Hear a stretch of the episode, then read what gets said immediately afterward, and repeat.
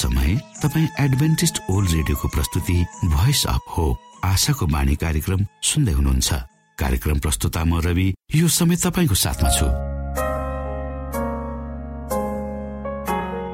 भनिएको छ पापको कारण मानिसका हृदय जन्मेदेखि दुष्टतातर्फ ढल्किएको हुन्छ। आफ्नै स्वरूपमा परमेश्वरले सृजना गर्नुभएको मानिसलाई आफ्नै उद्देश्यमा रूपान्तरण गर्ने र ख्रिस्टको चरित्रमा प्रतिस्थापन गर्ने परमेश्वरको चाहना छ। यो सब हाम्रो भलाइको लागि गरिएका योजनाहरू हुन्। श्रोता के तपाईँ यो भलाइको कार्यक्रममा परमेश्वरलाई सघाउन चाहनुहुन्छ? प्रभु यशु क्रिस्ट हृदयको ढोकामा उभिएर ढकढक्याउँदै हुनुहुन्छ। उहाँ तपाईँमा भएर तपाईँको जीवनलाई राम्रोतिर असलतिर ढल्काउन चाहनुहुन्छ बदल्न चाहनुहुन्छ। आशाको बाणी कार्यक्रमलाई नियमित सुनेर परमेश्वरको चाहनाको महत्वलाई बुझेर बाँच्नुको महत्वलाई यहाँले बुझ्नु सक्नुहुनेछ भनेर हामी विश्वस्त छौ। आउनुहोस् फेरि तपाईँलाई न्यानो स्वागत गर्दै हाम्रो कार्यक्रमलाई सुनिदिनु हुनु अनुरोध गर्दै यो मिठो भजन यहाँ सामु राख्दैछु।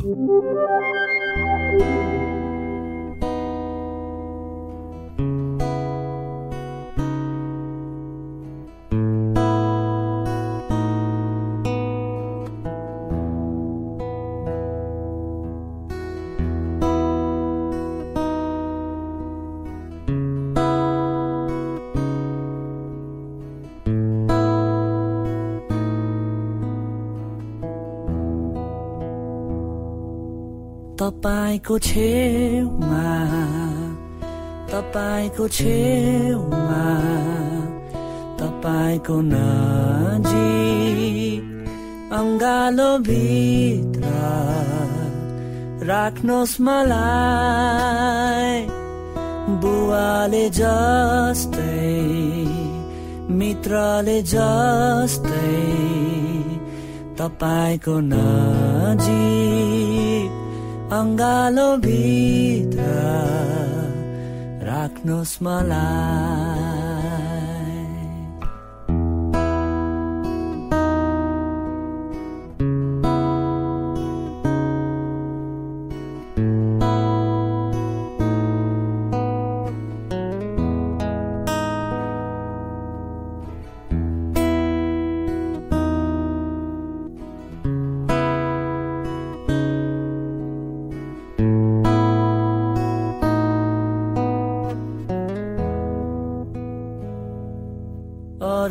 कतै पनि मिल्दैन विश्राम। यो आत्माले तपाईँमा नै विश्राम पाउँछ। अरू कतै पनि मिल्दैन यो समय तपाईँ एडभेन्टिस्ट ओल्ड रेडियोको प्रस्तुति भोइस अफ होप आशाको बाणी कार्यक्रम सुन्दै हुनुहुन्छ।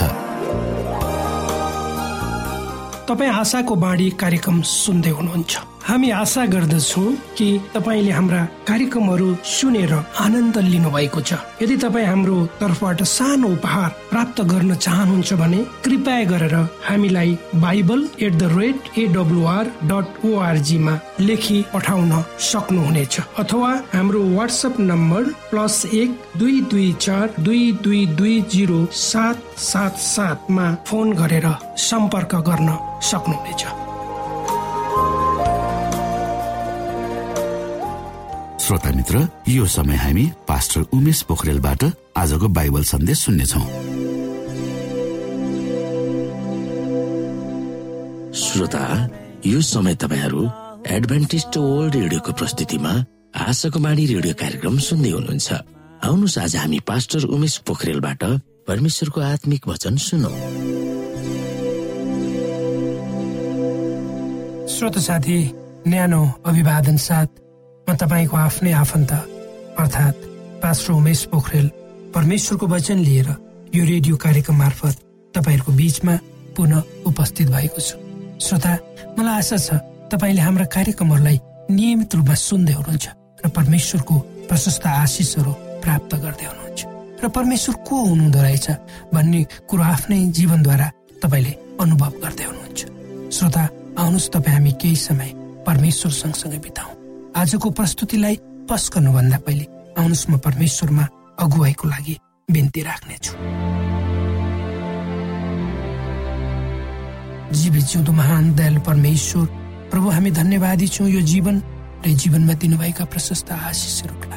प्रभु यो रेडियो कार्यक्रमलाई म तपाईँको हातमा राख्दछु। यसलाई तपाईँको राज्य र महिमाको प्रचारको खातिर यो देश र सारा संसारमा तपाईँले पुर्याउनुहोस् र यसबाट तपाईँको महिमा होस्। सबै बिन्ती प्रभु यी नाममा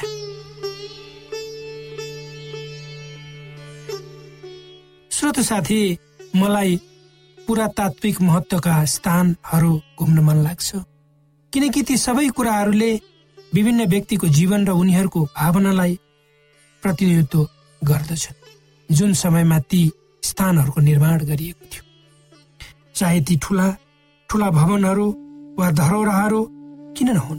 तिनीहरूले एउटा ठुलो इतिहास र कथा बोकेका छन्। र लाग्दछ ती ढुङ्गाहरू अहिले नि बोल्दछन्। संसारमा भएका सबै कुराहरू जुन हामी अहिले देखिरहेका छौँ ती सबै कुराहरूका आफ्नै इतिहास र कथाहरू छन्। तिनीहरूले एउटा युगको प्रतिनिधित्व गर्छ। यस्ता प्रकृति र संसारमा देखिएका प्रत्येक दृश्यले परमेश्वरको चरित्रलाई देखाउँछ। यी सबै कुराहरू यी सबै कुराहरूलाई राम्ररी बुझ्न र त्यसभित्र भएका कुराहरूको त्यसभित्र भएका कुराहरूलाई जान्न हाम्रो निम्ति परमेश्वरको अगुवाई आवश्यकता पर्छ। जबसम्म परमेश्वरले तपाईँ र मलाई अगुवाई गर्नुहुन् तबसम्म यी संसारमा हामीले देखेका इतिहासका कुराहरू हुन् ऐतिहासिक महत्वका कुराहरू हुन् प्रकृतिका कुराहरू हुन् हामी त्यसको रहस्य बुझ्न सक्दैन। अर्थात् जब तपाईँ र म कुनै नयाँ ठाउँमा जान्छु उक्त ठाउँमा घुमडुल गर्न हामीलाई गाइड चाहिन्छ।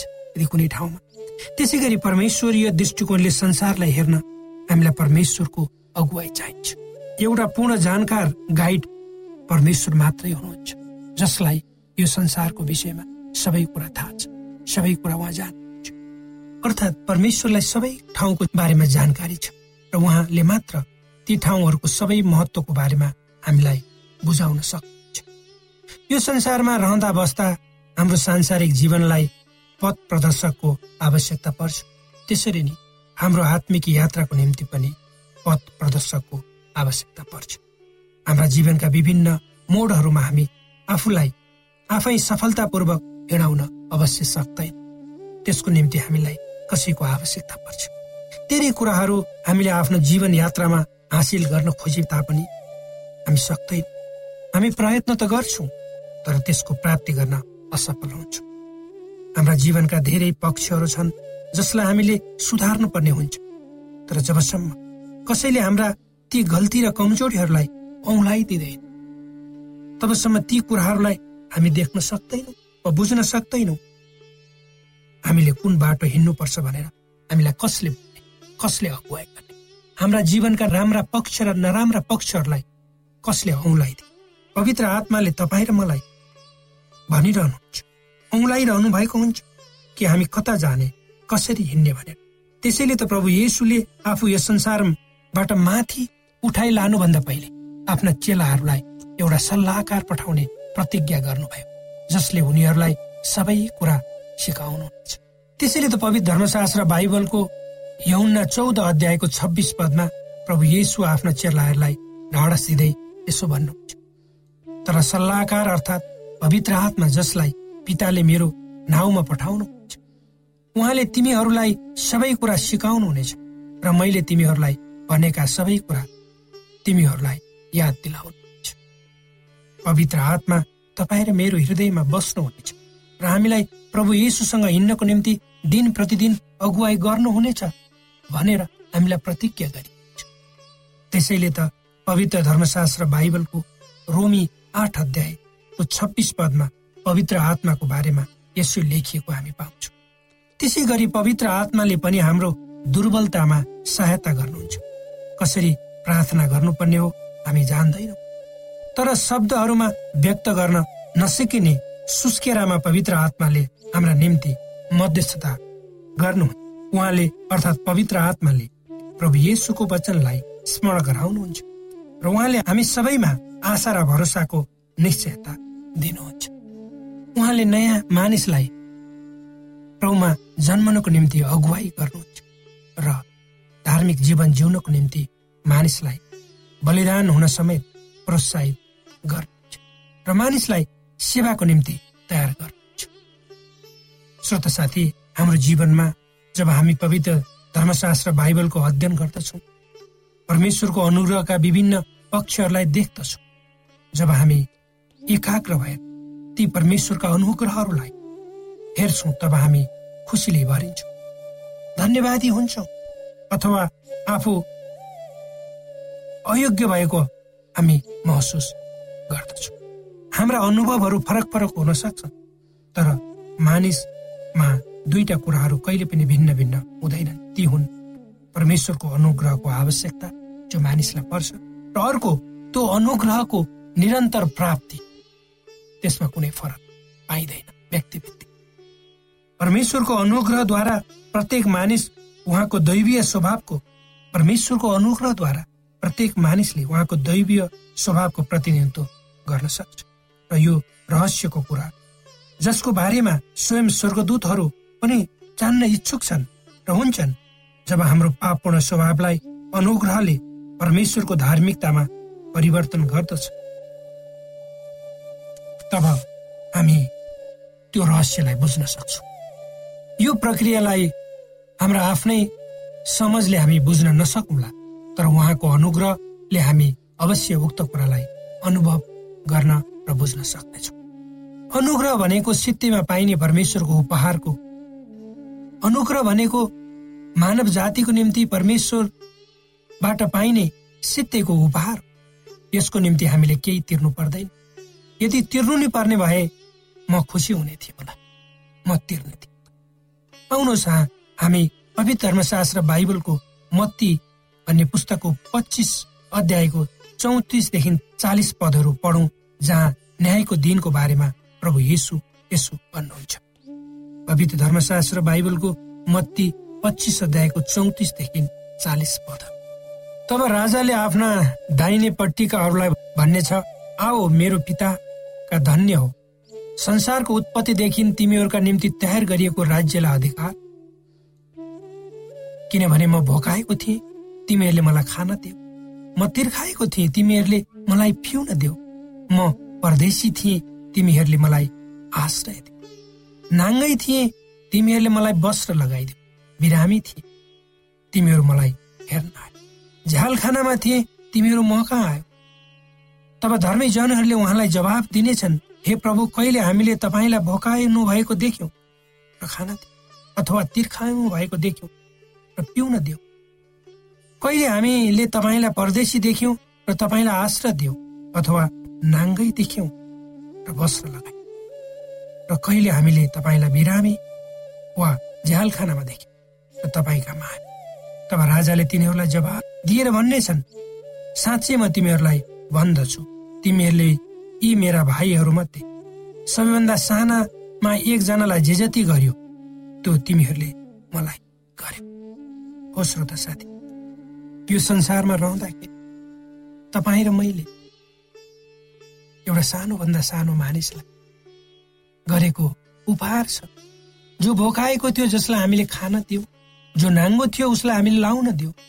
र जो रोगी व्यवहारी थियो त्यसलाई हामीले उपचार गर्यो। त्यो कुरो परमेश्वरले हेरिरहनु जो धार्मिक छन् र परमेश्वरको पक्षमा छन् उनीहरूले परमेश्वरलाई सोध्नेछन् हामीले कहिले ती तपाईँले भन्नुभए अनुसार असल काम गर्यौँ भने? विश्वासीहरू जसले अनुग्रहद्वारा अनन्त जीवन प्राप्त गरेका छन् उनीहरूको टाउकोमा भएको मुकुटलाई निकालेर प्रभु येसुको खुट्टामा राख्नेछ किनकि उनीहरूलाई थाहा छ उक्त मुकुट परमेश्वरको अनुग्रहको कारणले मात्र उनीहरूले पायो। आफ्नो प्रयासले होइन अवश्य होइन अनुग्रहको साँचो उदाहरण हामी क्रुसमा पाउन सक्छौँ। आफ्नो स्वर्गीय घरद्वारा परमेश्वरको हृदय अनुग्रह मार्फत पाप र पापी हुँदै कलवरी क्रुसमा गएर खनिन्छ र पोखिन्छ। त्यो हामीले बुझ्नुपर्छ। हामीले देखेका छौँ। एउटा ठुलो प्रचारकका अनुसार जब परमेश्वर र पापको भेट भयो त्यहाँ ठुलो धक्का वा सङ्घर्ष भयो र परमेश्वरको हृदय भाँचियो टुक्रा टुक्रा। अर्थात् परमेश्वरको सदाशय मापन गर्न नसकिने प्रेमले भरिएको हृदय हुन्छ र त्यसै अनुसार परमेश्वर बोल्नुभयो अब यो सक्यो। यो यसरी सकियो कि त्यसपछि परमेश्वरले त्यसमा केही थप्न थप्नु भएन। जब हामीले प्रभु यीशुको क्रुसको मृत्युलाई हामीले हेर्दा त्यो हामीले स्पष्ट रूपमा अनुभव गर्न सक्छौँ। अनुग्रहले जे जति गर्नु पर्थ्यो गर्यो। त्यो प्रभु येसु मार्फत अहिले र सबैको लागि अनन्तसम्मको निम्ति त्यो त्यसले काम गरिरहेको छ। त्यसैले त पवित्र धर्मशास्त्र बाइबलको तितस भन्ने पुस्तक हो। दुई अध्यायको एघार पदमा मानिसहरूका मुक्तिको निम्ति परमेश्वरको अनुग्रह प्रकट भएको छ भनेर स्पष्ट लेखिएको छ। हो श्रोता परमेश्वरको अनुग्रह मानिसहरूको लागि विभिन्न रूपमा विभिन्न समयमा निरन्तर रूपमा प्रकट भएको छ। तर मानिसले त्यो कुरालाई अनुभव गर्न सक्नु श्रोत साथी मानवीय स्वभाव जहिले पनि परमेश्वरको विरुद्धमा जान खोज्छ अर्थात् हामीहरू परमेश्वरको अनुग्रहलाई प्राप्त गर्न योग्यका छैनौँ। तर पनि परमेश्वरको अनुग्रहद्वारा हामीहरू निरन्तर रूपमा उहाँको प्रेम र अगुवाईद्वारा जीवित छौँ। यदि परमेश्वरको अनुग्रह हामीमा छैन परमेश्वरको अगुवाई छैन भने निश्चय पनि हामी जिउन सक्दैन। र यो संसारमा रहँदासम्मको निम्ति मात्र उहाँको अनुग्रह हामीमा हुन्छ भने त्यसको साथै अनन्तसम्म पनि भइरहनेछ। परमेश्वरले आफ्नो पुत्र येसुलाई हाम्रो निम्ति दिएर उहाँले मानव जातिमाथि ठुलो गुण लगाउनु भएको छ। जसको बारेमा हामी कल्पना पनि गर्न सक्दैन। श्रोता साथी परमेश्वर प्रेमिलो हुनुहुन्छ परमेश्वर अनुग्रहकारी परमेश्वर हुनुहुन्छ परमेश्वर क्षमाशील परमेश्वर हुनुहुन्छ र उहाँले तपाईँ र मलाई हाम्रा जीवनका प्रत्येक पाटाहरूमा हाम्रा जीवनका प्रत्येक चरणहरूमा अगुवाई गर्नुहुन्छ। यदि हामी परमेश्वरको इच्छा अनुसार आफ्नो जीवनलाई उहाँमा समर्पित गर्न राजी भयौँ र उहाँले डोर्याउनु भएको बाटोमा आफूलाई हिँडायौँ भने निश्चय नै तपाईँ हामीले परमेश्वरसँगको यात्राको मिठो अनुभूति आफ्नो जीवनमा र आउने जीवनमा पनि गर्नेछौँ। परमेश्वरले यी वचनहरूद्वारा तपाईँलाई आशिष दिनुहोस्।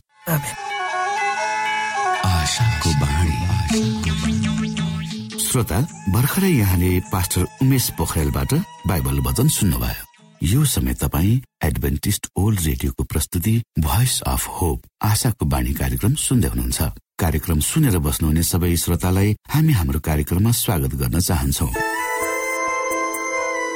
श्रोता मित्र यदि तपाईँ जीवनदेखि हरेस खानु भएको छ तपाईँका जीवनमा धेरै अनुत्तरित प्रश्नहरू छन् भने आउनुहोस् हामी तपाईँलाई परमेश्वरको ज्योतिमा डोहोऱ्याउन चाहन्छौँ। र तपाईँ आफ्नो जीवनका चिन्ता फिक्रीबाट निश्चिन्त हुनुहोस् र बाँच्नुको आनन्द परमेश्वरको सामिप्यमा कति मिठो हुन्छ त्यो चाख्नुहोस् भनी हामी चाहन्छौँ। श्रोता यदि तपाईँ आशाको बाणी कार्यक्रमलाई अनलाइन सुन्न चाहनुहुन्छ वा डाउनलोड गर्न चाहनुहुन्छ भने डट ओआरजीमा जानुहोस्। त्यहाँ तपाईँले प्रत्येक दिनको कार्यक्रम सुन्न र डाउनलोड गर्न सक्नुहुनेछ। हाम्रो वेब पेज यस प्रकार छ डब्लु डब्लु डब्लु डट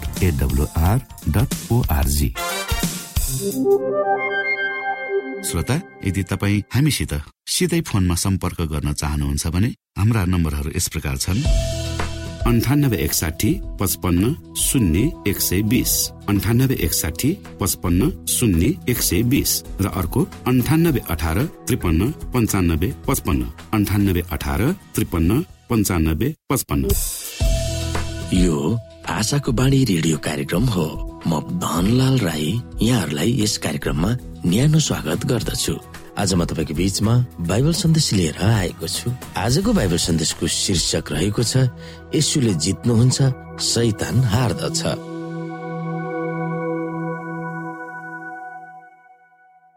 श्रोत साथी यस यसुले जित्नुहुन्छ सैतान हार्दछ भन्ने बाइबल सन्देशमा हामीले विशेष गरी अध्ययन गर्नुपर्ने बाइबलका मूल पदहरू रहेका छन्।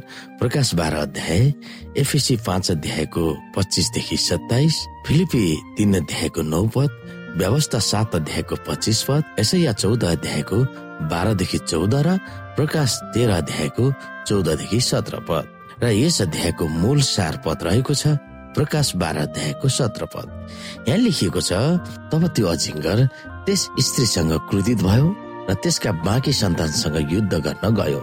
अर्थात् तिनीहरूसँग जुनहरूले परमेश्वरका आज्ञाहरू पालन गर्दछन् र यसुको गवाई दिन्छ।